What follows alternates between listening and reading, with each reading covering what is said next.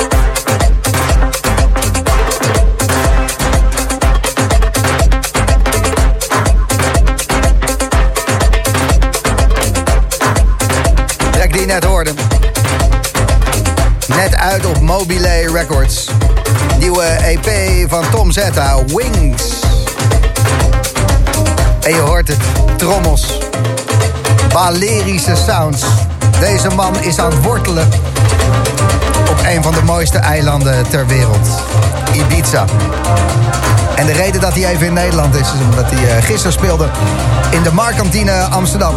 Tezamen met Adana Twins, om maar even wat te noemen. Morgenochtend vroeg weer vanaf uh, Rotterdam terug naar Ibiza. Wordt een kort nachtje voor Tom Zetta, maar extra tof dat hij hier is vanavond. De Boomroom bij Slam tot 12 uur. Tom love, love.